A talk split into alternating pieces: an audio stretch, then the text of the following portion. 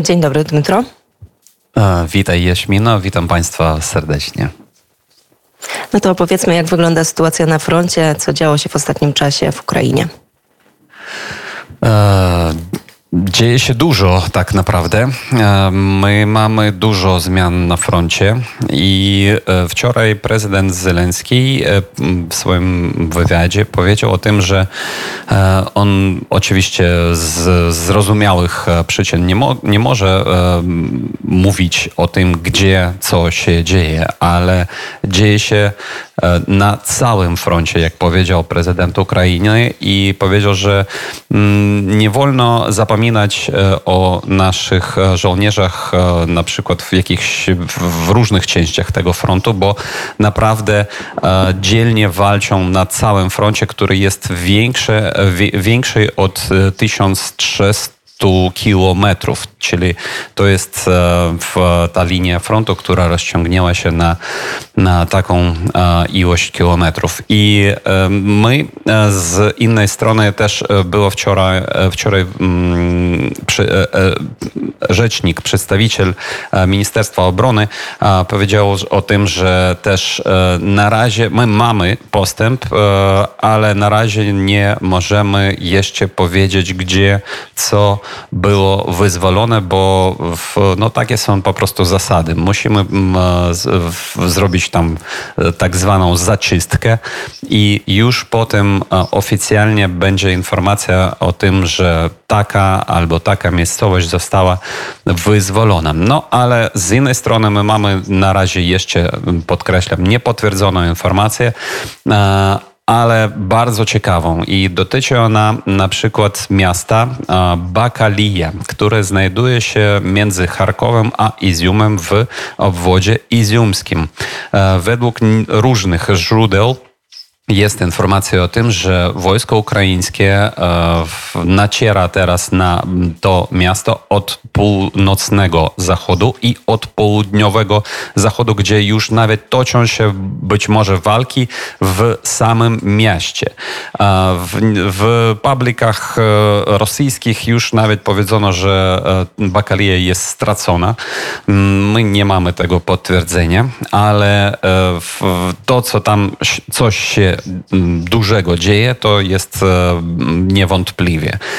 Także Bakalia to jest bardzo ciekawa e, część frontu, o której też e, nikt nawet nie mógł pomyśleć sobie, oprócz oczywiście ekspertów wojskowych, że tam będzie jakakolwiek ofensywa w naj, ukraińska w najbliższym czasie.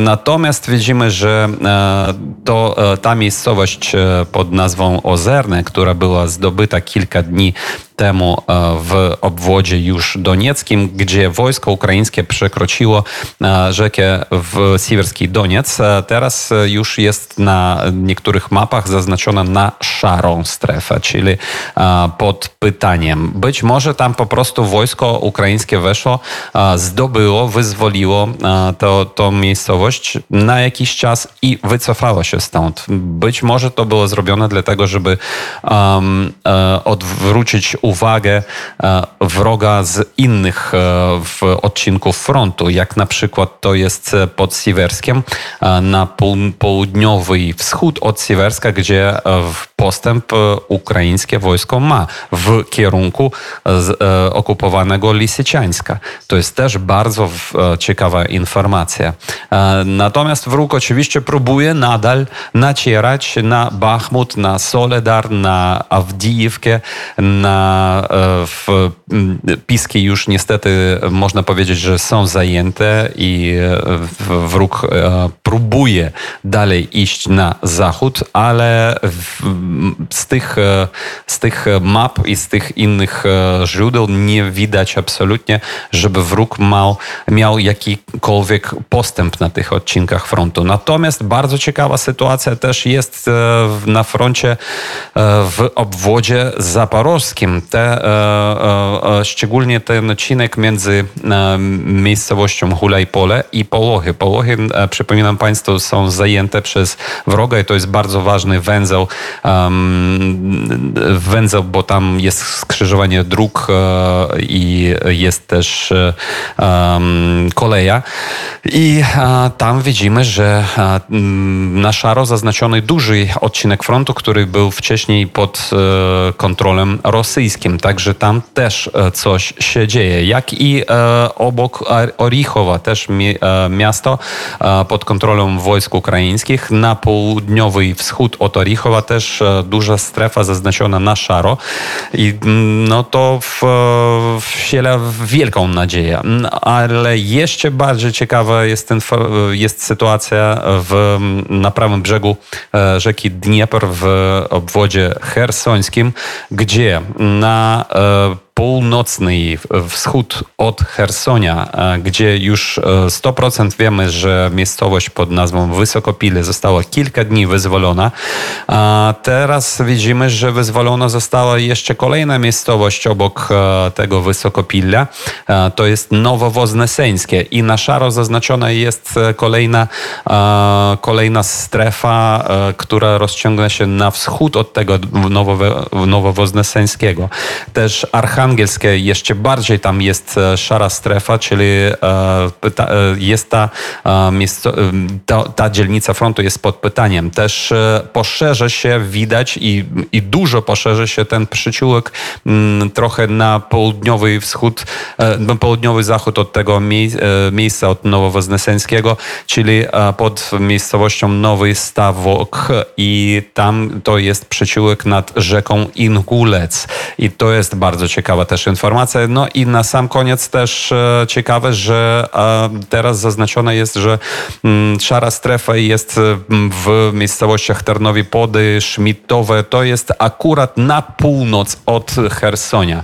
I e, ta, ta miejscowość e, też była wcześniej, jeszcze wczoraj, pod kontrolą wojsk rosyjskich. Także dużo, naprawdę dużo się dzieje.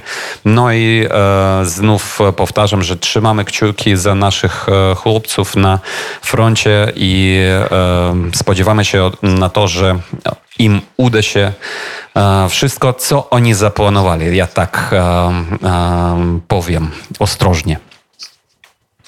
I my też oczywiście dołączymy się do tego e, apelu, apelu e, Dmytrze. Trzymamy kciuki za ukraińskie wojsko. Jak słyszymy, no sytuacja niestety cały czas jest bardzo trudna i chociaż e, wszystkie te dobre informacje, wszystkie te sukcesy odnotowywane przez ukraińskie wojsko cieszą, no to wszyscy też zdajemy sobie sprawę, że cały czas Rosjanie bardzo intensywnie mm, ostrzeliwują całą, całą tą linię frontu, więc można sobie tylko wyobrazić, jak trudna mm, sytuacja jest i jak trudna to jest codzienność teraz dla ukraińskich żołnierzy ukraińskich cywilów, ale najważniejsze, że, mm, że właśnie te, te sukcesy też się pojawiają. Bardzo serdecznie dziękujemy za komentarz Dmytro, Dmytro Antoniuk, dziennikarz, historyk, publicysta, korespondent Radia Wnet na Ukrainie, był gościem Radia e, Poranka Wnet. Dziękuję za rozmowę. Dziękuję Jaśmino i dziękuję za wsparcie Państwu.